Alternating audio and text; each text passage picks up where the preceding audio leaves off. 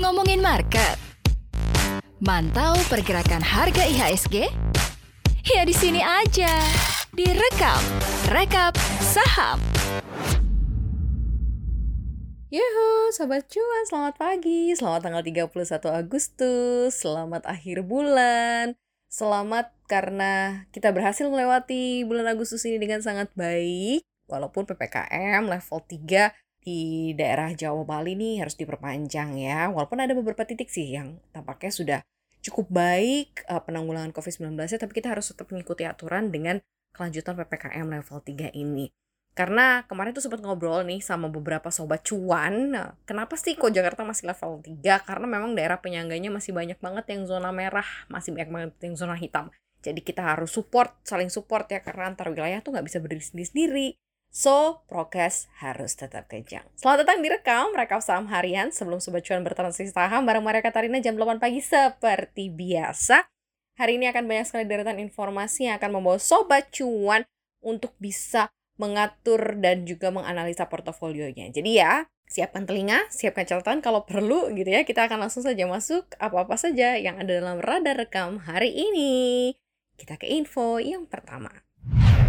Congratulations Sobat Cuan ya, kemarin ya HSG kan berakhir bergairah ya karena menguat 1,71 persen di level 6144,9 di sepanjang perdagangan kemarin. Nilai transaksinya pun juga di 11,1 triliun rupiah dan terpantau ada net buy nih 629 miliar rupiah di pasar reguler sebanyak 316 saham yang perform menguat.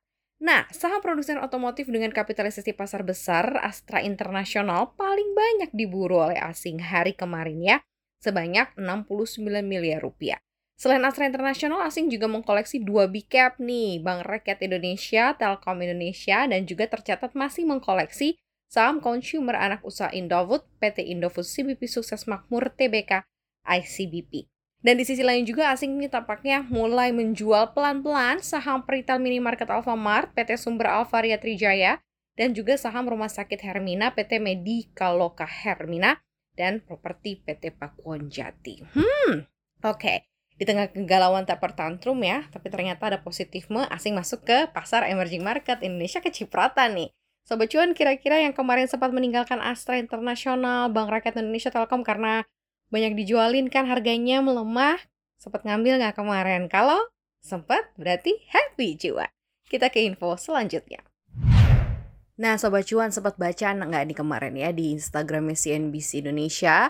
Di situ ditulis bahwa banyak banget milenial sekarang yang lagi borong rumah. Karena lagi banyak banget rumah yang murah-murah. Ini di seluruh kawasan di seluruh Indonesia ya bahkan sampai ada yang di bawah 100 juta. Dan ini sangat memudahkan banget peluang uh, sobat-sobat cuan dan juga para milenial untuk bisa punya hunian.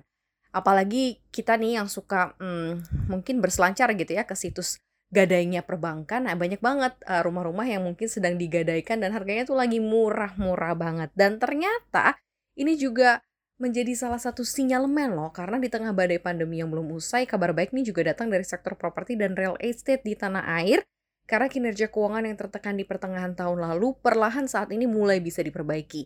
Dan hal ini terlihat dari perbaikan kinerja keuangan beberapa emiten properti yang telah merilis laporan keuangan kuartal 2 tahun 2021. Retail yang saat ini masih tumbang dengan penjualan yang masih belum pulih ini pasti akan terus menekan permintaan untuk aset retail ya. Sementara adanya adopsi kerja dari rumah ini memang terus berlanjut karena kebijakan PPKM akan membebani permintaan untuk pembangunan dan persediaan kantor. Jadi pilihan rumah ini sangat-sangat uh, menjadi idola ya ketimbang mungkin untuk penyewaan kantor dan lain-lain.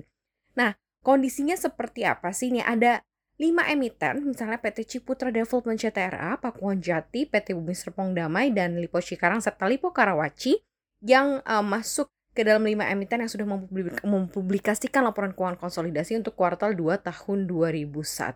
Kalau kita lihat ya, dalam pendapatan usahanya ini sendiri ini meningkat signifikan di mana sepanjang semester pertama total agregat pendapatan 5 emiten tersebut tumbuh 30% dari semula sebesar 13,45 triliun rupiah di Juni 2020 meningkat ke 17,44 triliun rupiah.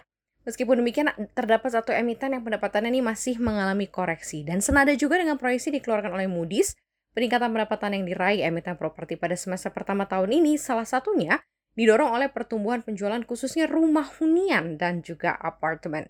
Sepanjang pertama tahun ini, emiten yang didirikan oleh Crazy Rich Indonesia Ciputra membukukan pertumbuhan pendapatan sebesar terbesar, di mana Ciputra Group ini membukukan pendapatan 4,02 triliun rupiah, naik 43 persen dari periode yang sama tahun sebelumnya sebesar 2,8 triliun rupiah. Dan penjualan rumah hunian juga merupakan salah satu pendorong ya pertumbuhan perusahaan, di mana perusahaan juga mampu membukukan pendapatan 2,04 triliun rupiah dari semula 1,54 triliun rupiah.